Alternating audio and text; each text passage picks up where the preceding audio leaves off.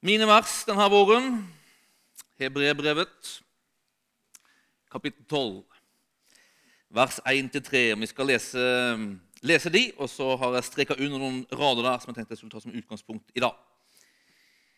Derfor, når vi har så stor en sky av vitner omkring oss, så la oss legge av alt som tynger, og synden som så lett fanger oss inn, og med utholdenhet fullføre det løpet som ligger foran oss med blikket festa på Han som er troens opphavsmann og fullender, Jesus. For å få den gleden han hadde i vente, holdt han ut på korset uten å bry seg om skammen. Og nå har han satt seg på høyre side av Guds trone. Ja, tenk på han som holdt ut en sånn motstand fra syndere, så dere ikke blir trette og motløse, står det der. Jeg har sagt det her tidligere i vår at det å være en kristen det er å være en som ser på Jesus. Den svenske oversettelsen har en sånn, eh, nå begynner vers 2 der med en oppfordring. helt enkelt. La oss ha blikket festa på Jesus. Se på han som holdt ut korset. Det å se korset, det Jesus utsto der, og hva det resulterte i, det er utrolig grunnleggende for oss. Det er en fantastisk preken som Geir hadde sist søndag om akkurat det. Se hva han fikk utstå. Se hva det kosta han. Se hva han betalte for pris for å få den gleden han hadde i vente, står det. Dette er det han utsto for å få den gleden han hadde i vente. Han hadde en lønn for øyet. Han hadde noe han lengta etter, og det var å frigjøre oss fra den synden som fanga oss mennesker. Det var å, å, frigjøre oss og føre oss tilbake til det fellesskapet med Han som vi var skapt for, og som Han lengta etter å få se oppretta igjen. Men for å få den gleden, for å få oss, behøvde han å utstå noe. Og det er det han utsto. Et kors. Han måtte bære noe. Han måtte ta konsekvensene av all verdens synd. Hvilket innebar en pris. En enorm pris. Det innebar at han behøvde å utstå spott. Han behøvde å utstå en angst så kraftfull at det står at han svetta blod. Han måtte utstå en, en, en, sånn, en, en plagen det var, den smerten det var å bli piska på romersk vis. En piskemetode som, som medførte en sånn smerte og en sånn lidelse At det beskrives av enkelte liksom, lærde som en uutholdelig og ubeskrivelig smerte. Han måtte utholde et kors og hva det innebar for smerte for å vinne oss. Det var som han hadde oss for øye. Han lengta etter oss. Han lengta etter Vardi. Jeg vil ha fellesskap med ho. Men mellom oss står det noe. Mellom oss er det noe jeg må gjøre. Jeg må smake. Jeg må gå igjennom noe jeg må betale for å oppnå det jeg lengter etter. og han var villig til å gjøre det, står det i Hebreverbrevet. Han utsto den. Det ordet det er egentlig sånn, sånn, sånn, et vekslingsord, kaller man det. Det er som at for at jeg skal få det, så må jeg veksle inn noe. Jesus måtte, måtte veksle inn sitt liv for å få oss. Han måtte veksle inn seg sjøl for å få oss. Det er det ordet. Det er det ordet. Dette er på en måte Guds enorme nåde. At han gjør alt det som behøves for at vi skal forstå med ham. Rettferdige, fullkomne, godkjente. Det at vi stå for Han, sammen med Han, i fellesskap med Han, Og det ikke er noe lenger som ødelegger og er mellom oss. Det er ikke noe lenger liksom, som gjør at vi ikke strekker til. vi strekker til i forhold til han, fordi han veksla inn sitt liv. Og Det er det på en måte som hebreerbrevet skriver om her. Han utsto korset for å få den gleden, den lønna, som han hadde i vente. Det han lengta etter. Tenk at Gud lengter etter du. Alltid lengter etter du. Jeg tror til og med han skapte du i lengsel etter du. Det står at han gjorde det drevet av kjærlighet. Så skapte han oss. I Efeserbrevet står det det. Og når, han, når det her på en måte fellesskapet gikk tapt, så lengta han etter du. Og han lengter så mye at han gir sin sønn for å vinne oss tilbake igjen. Det er fantastisk, det. Det er Guds store, enorme nåde i våre liv. Han fullbyrder alt som bør fullbyrdes for at vi skal kunne stå for ham. Dette er Guds nåde. Nåden har på en måte to sider. Den første siden er det her at ved Hans nåde så plasseres vi hos Gud.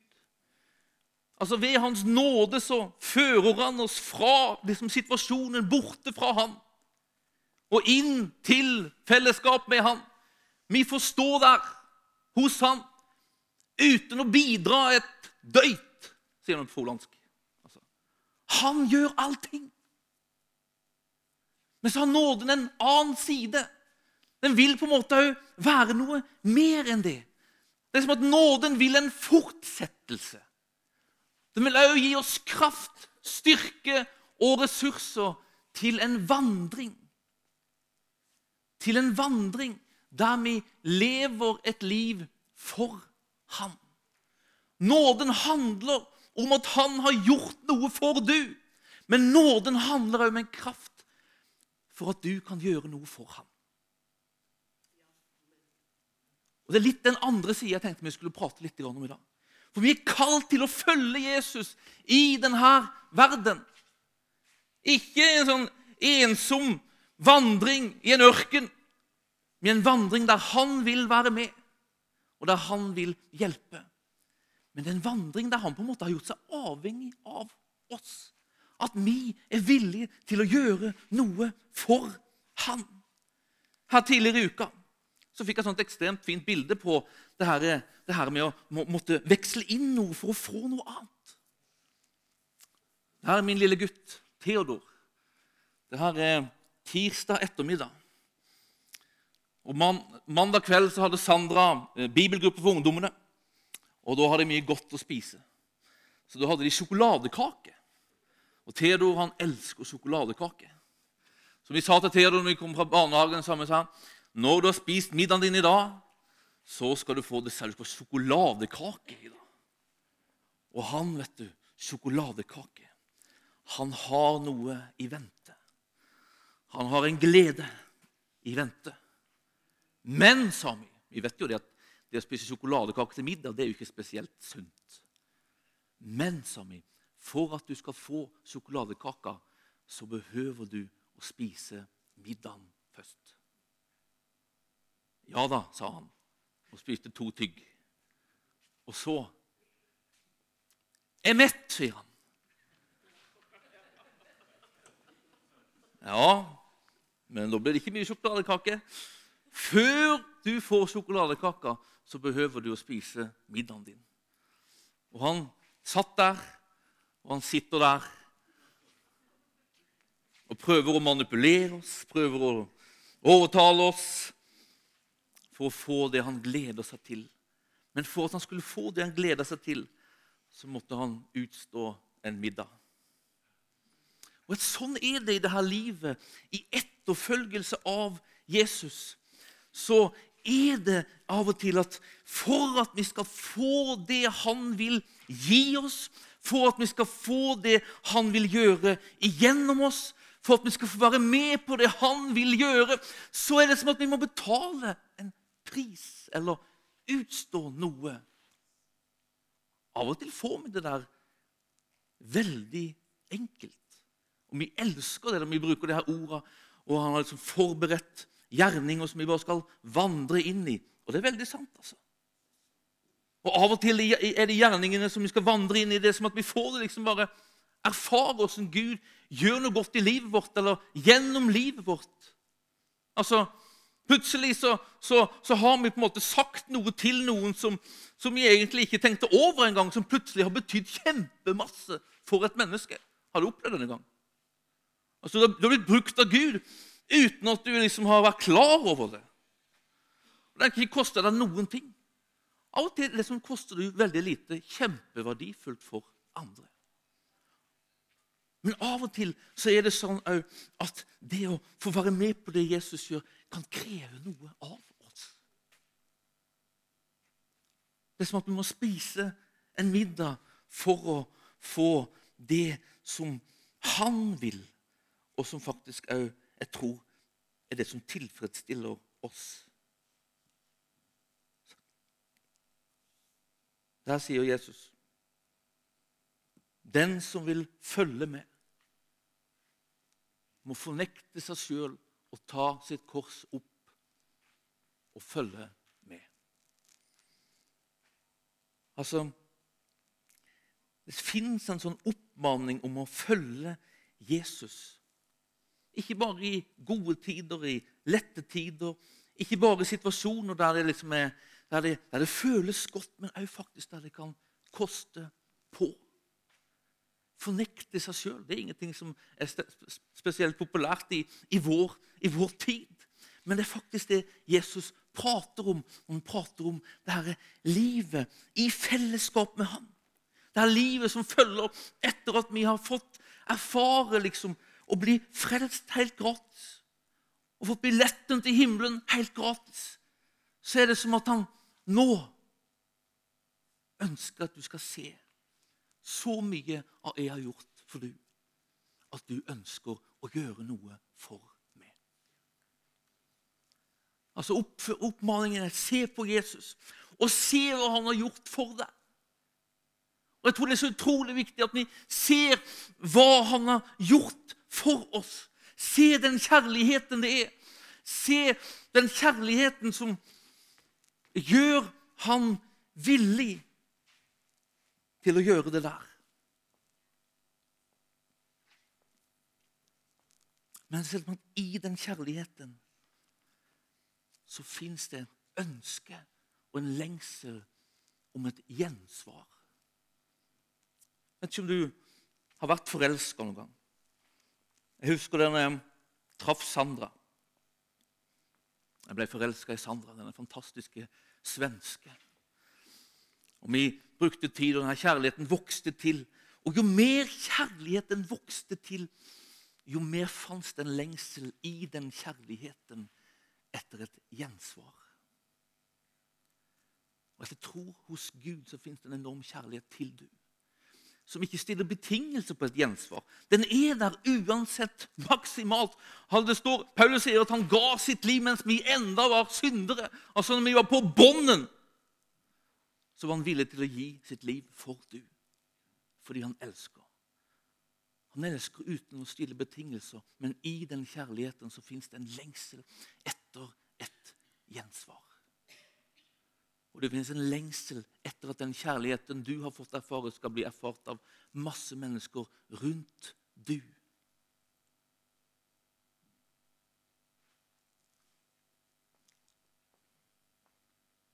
Han ønsker at kjærligheten han har demonstrert på korset, skal produsere et, et gjensvar i ditt liv. Når vi leser Hebrebrevet, så er det egentlig det som er på en måte oppfordringen. Det er for det er en gjeng kristne som holder på å gli tilbake igjen til, til det liv de levde før de tok imot Jesus. Oppfordringen i hebreerbrevet er hold fast ved Jesus. Bli der.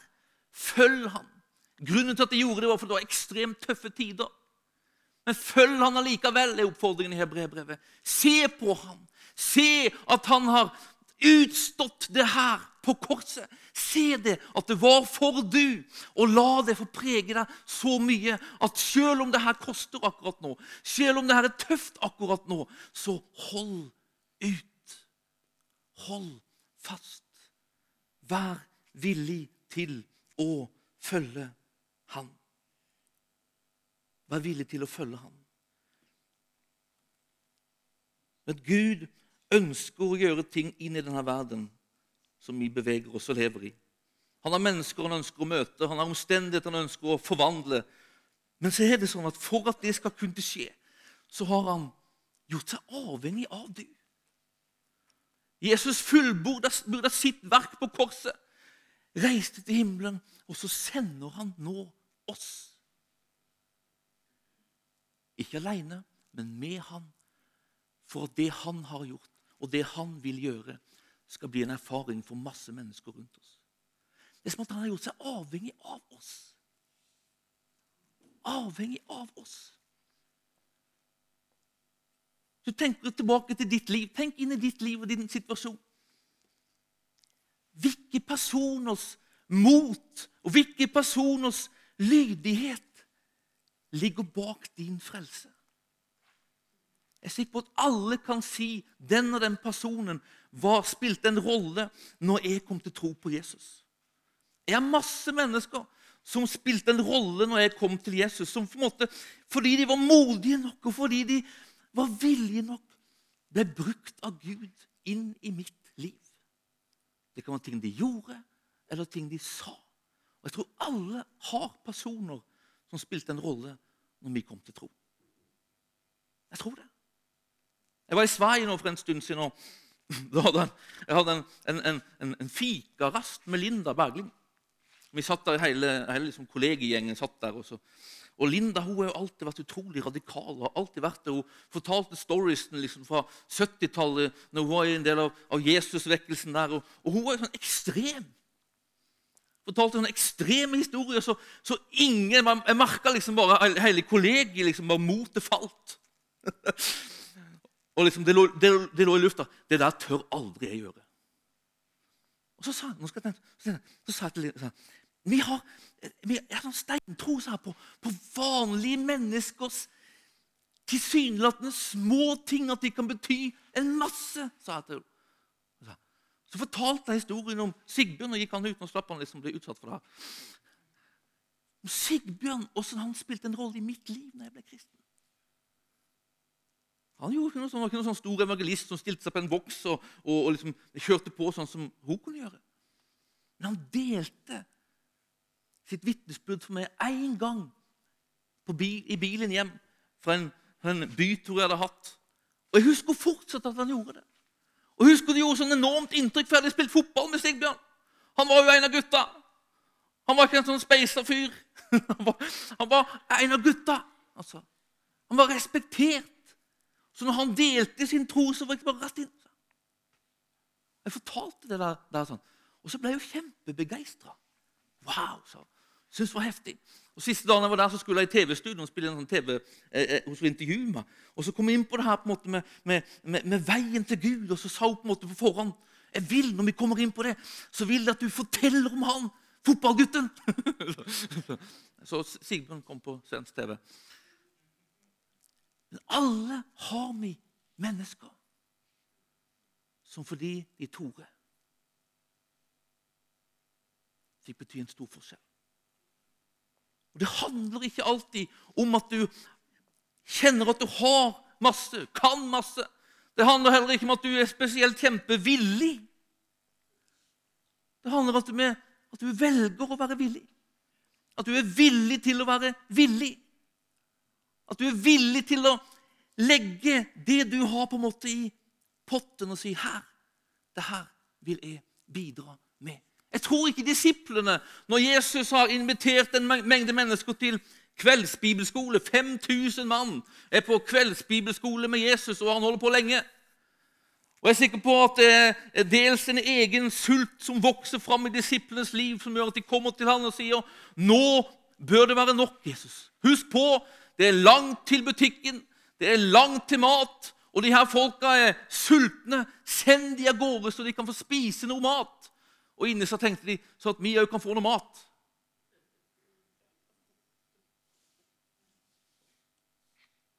Og så svarer Jesus dem på en veldig rar måte. Han sier, 'Dere skal gi dem mat.' Dere skal gi dem mat. Og så begynner de å kalkulere. Men skal vi kjøpe mat for alle de her? Det koster 200 denarer. Det er 200 årslønner. Nei, jeg mener dagslønner. Altså, det er masse penger. Det har ikke vi. Det er kjempelangt til butikken. De kalkulerte om hva de hadde, og hva de kunne til, liksom tilby. Og så spør Jesus det her spørsmålet Hvor mye har dere? Hvor mye har dere? Gå og se etter, sier han. Gå og se etter. Og så, så gjør de det. Og så kommer de tilbake, og så sier de vi har fem små brød og to fisker. Og hva er det for å mette 5000? Og så tar Jesus imot det.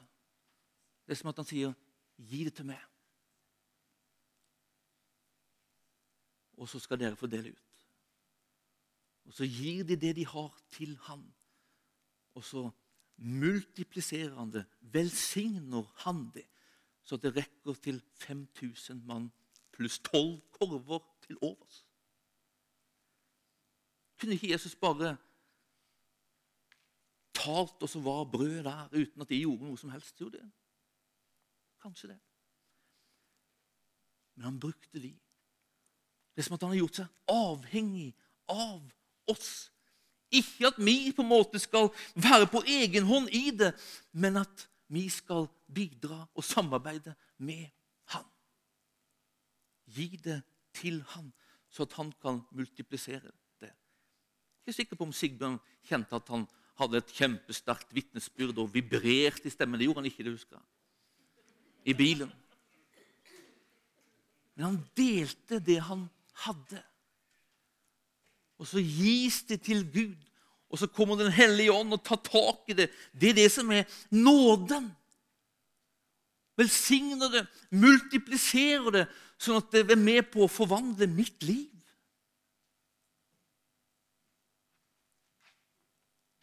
Hvor mye har dere? Hvor mye har dere? Det er det som er det viktige spørsmålet.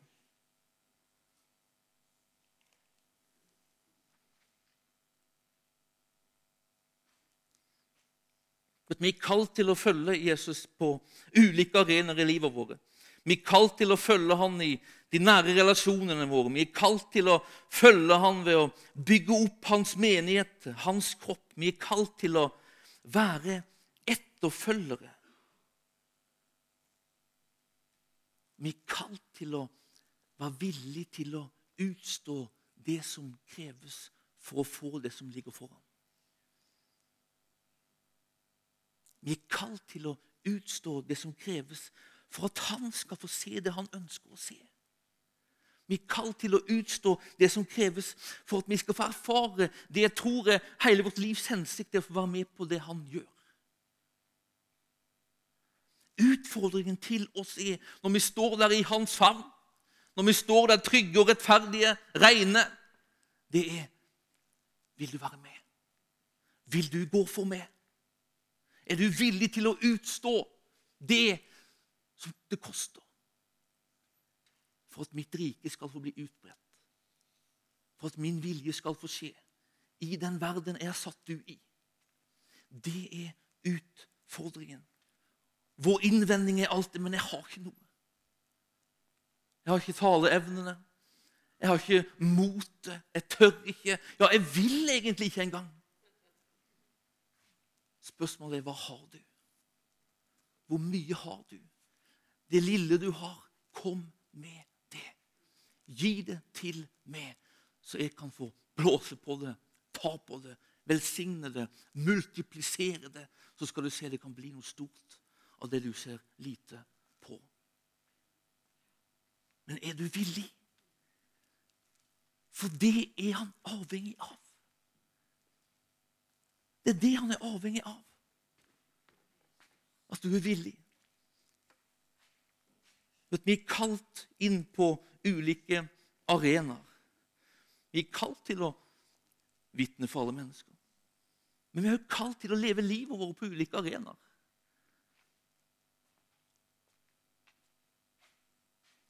Den første arenaen Eller før vi gjorde om på det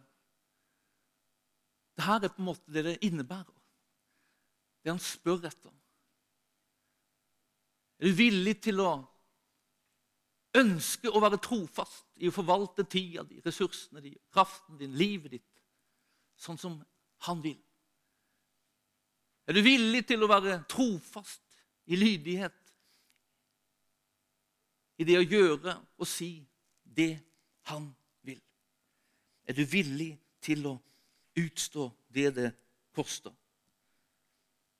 Er du villig til å følge Jesus på relasjonsarenaen? Vi er kalt til å følge Jesus i relasjonene våre.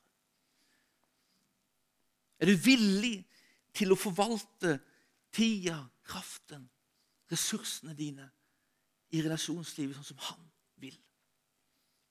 Dette er en kjempeutfordring i mitt liv. Jeg syns det er så utfordrende å få livet til å gå i hop. Få tida til å strekke til. Ekteskapet. Jeg har booka tre vielser allerede nå denne våren og sommeren. Jeg syns det er utrolig stas å vie mennesker. Og det er alltid noe jeg gleder meg til. Men det fins en kallelse på ekteskapet til mannen og til hustruen. Det er å følge. Følge han, så han kan få gjøre ekteskapet til det han har tenkt det skal være.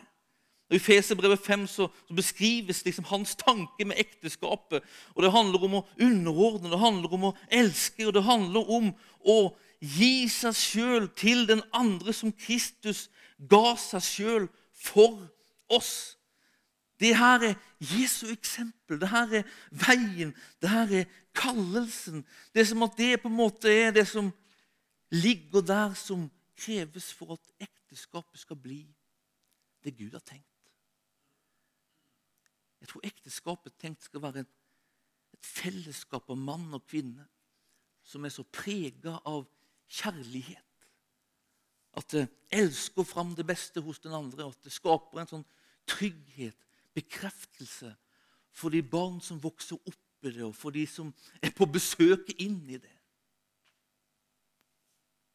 Vidar, er du villig til å legge ned livet ditt for Sandra, sånn at hun elskes fram til den Gud har tenkt?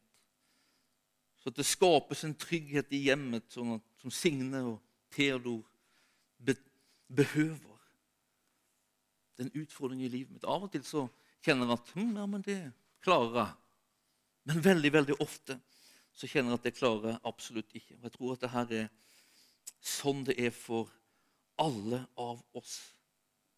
Av og til kjenner jeg meg supermotivert til å gjøre det. Av og til kjenner jeg meg nullmotivert til å gjøre det. Og vil heller leve for meg sjøl.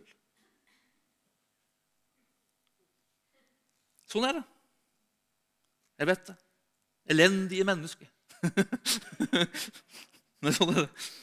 Men jeg ønsker, jeg ønsker Jeg har bestemt at jeg ønsker, og jeg vil være villig til å gjøre det. Og så er det sånn at så lenge jeg har den lengselen, så lenge jeg har det ønsket, så er det det han er ute etter. For det gjør at han kan få lov til å hjelpe. Det gjør at han kan få komme og bidra med sin del.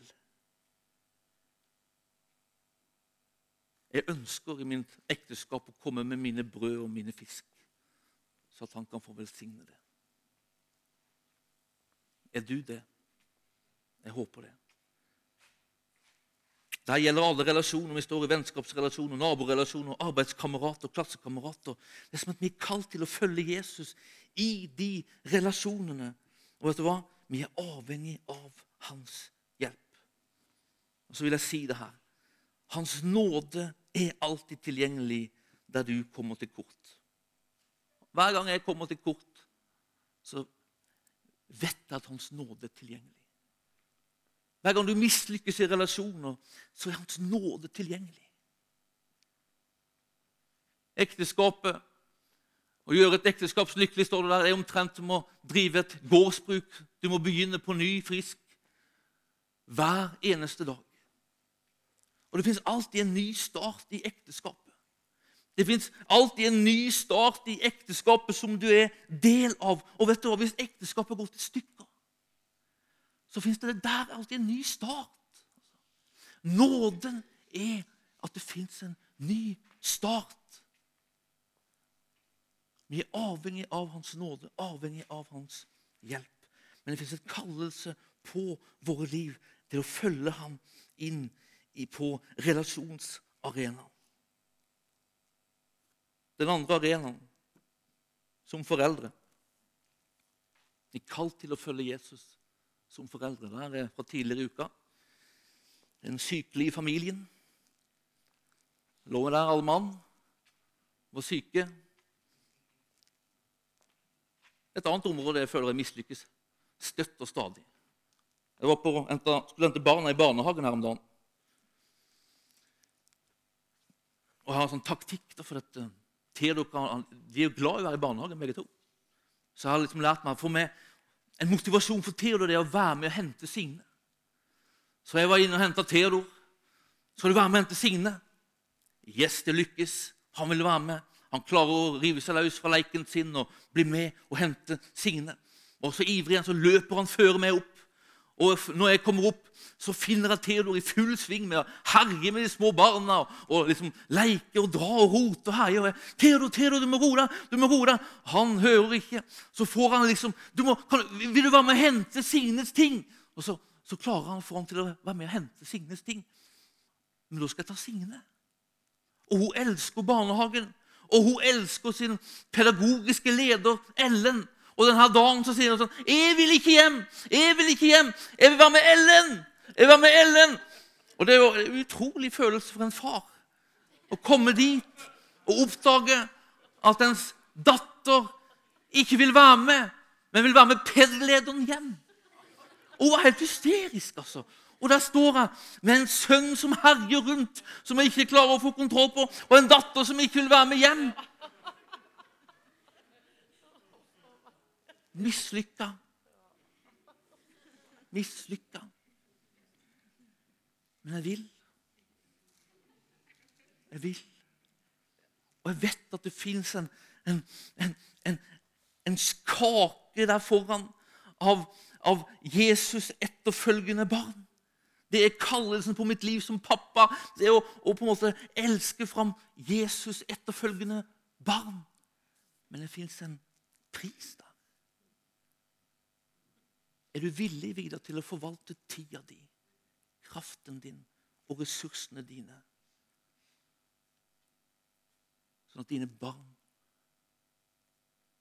blir Jesus etterfølgere? For meg er en kjempeutfordring tida. Egentida. Men jeg vil. Jeg får det veldig ofte ikke til. Men jeg vil. Og jeg kommer til ham. Her er mine brød, og her er mine fisk. Hjelp meg. Jeg gjør det i ekteskapet. Jeg gjør det i forhold til barna mine. Og så er det tredje området som jeg tror at alle Jesus-troende, alle som har en trygg favn hos han, er kalt til å være med på, og det er å bygge hans menighet. Det er å utbre hans rike. Vidar, er du villig til å forvalte tida di, kraften din, ressursene dine på en sånn måte at min kropp kan bygges opp i Froland. Det er Guds drøm. Det er den lønnen, den gleden som han ønsker å se. Det at han får ha en kropp i denne, i denne bygda. At han får være virksom i denne bygda. Er du villig til å gå for meg? Utstå det det koster. Katrine var her for noen uker siden og, og Fokus 19-møtet hun leder, tror jeg, så talte om det her med at vi hadde, fjor hadde vi denne sommerinnsamlingen denne, der vi ga til menigheten av våre penger og våre ressurser. Og Hun sa så her at fra jeg reiste hjemmefra til jeg kom hit, så, så dobla beløpet seg.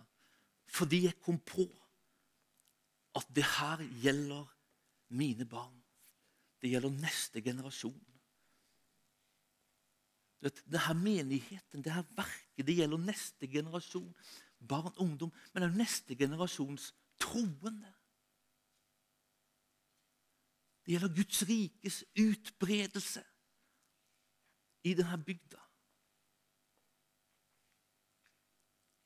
Det fins en utfordring på våre liv. Vil du stille dine ressurser tilgjengelig for mitt verk?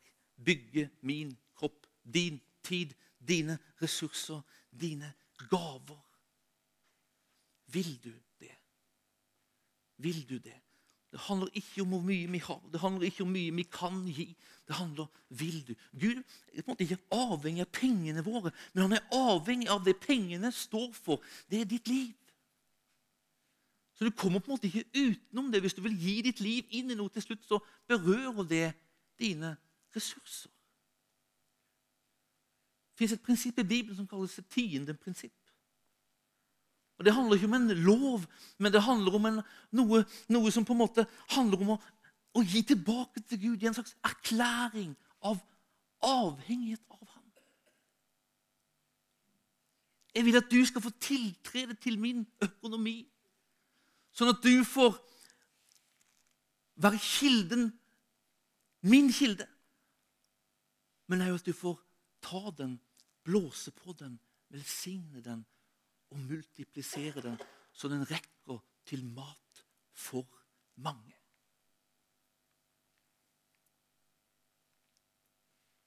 Det handler ikke om mengdene, det handler om villigheten. Vil du, vil du, vil du? Vil du gå for meg? Se på korset. Se på hva jeg fikk utstå for du. La det prege deg, sånn at det gjør deg villig til å holde fast. Villig til å gå for meg i denne verden. Vi er kalt til å følge Jesus.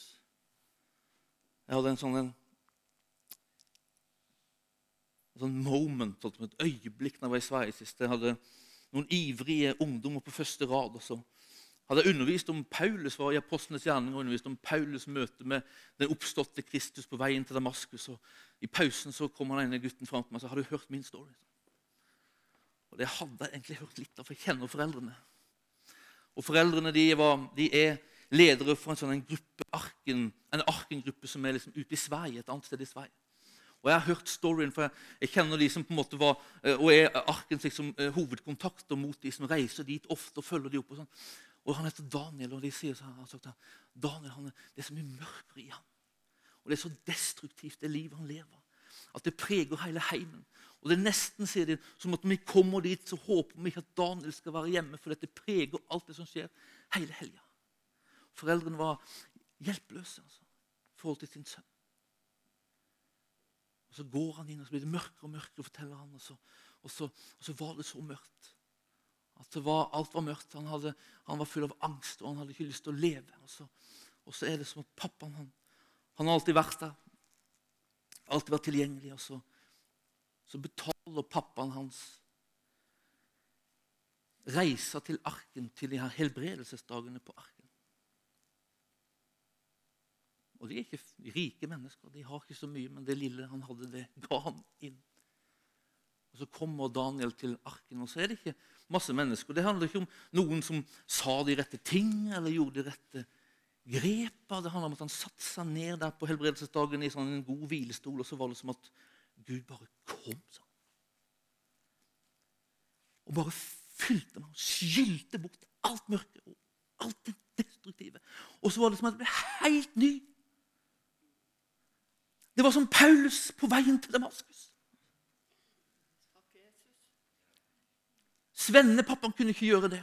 Lena, mammaen, kunne ikke gjøre det. Men det lille de hadde, det ga de. De sådde sin tid, sine ressurser, sine penger. Og så kommer Gud, og så mangdobler han det. Velsigner det. Og guttens liv er fullstendig forvandla. Han sitter der så sulten, så ivrig. Altså.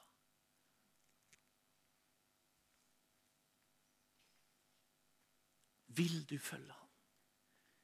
Vil du legge dine brød og dine fisker der, sånn at det som er utlova, det han lengter etter, det han vil se, kan få bli realitet i menneskers liv gjennom du og meg. Amen. Det er kallelsen på våre liv. Det ble litt annerledes enn han hadde tenkt. Ble det greit? Bra. La oss ta en stund bare også. Så er vi innenfor Han.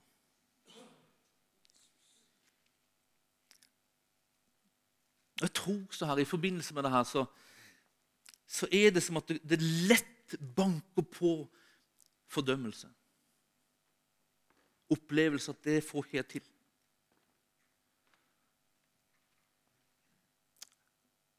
Jeg ønsker på en måte at det skal være en, en stund i kveld der vi på en måte får legge bort det. Komme med det. Og at han får berøre det. Anita, led oss i lovsang. Det kan være at det er noen som må ta en, beslutning om at, en ny beslutning om at 'jeg vil'. Jeg vil. Jeg vil følge Jesus. Jeg vil slutte å gå min vei. Jeg vil gå hans vei. Og så kan det være at du behøver en ny oppmuntring. Det kan være i forbindelse med ekteskapet ditt, det kan være i forbindelse med barna dine. Der det ser håpløst ut, vanskelig ut. Jeg tror han ønsker å komme med sin trøst og med sin kraft. Jeg tror han ønsker å løfte blikket på nytt igjen.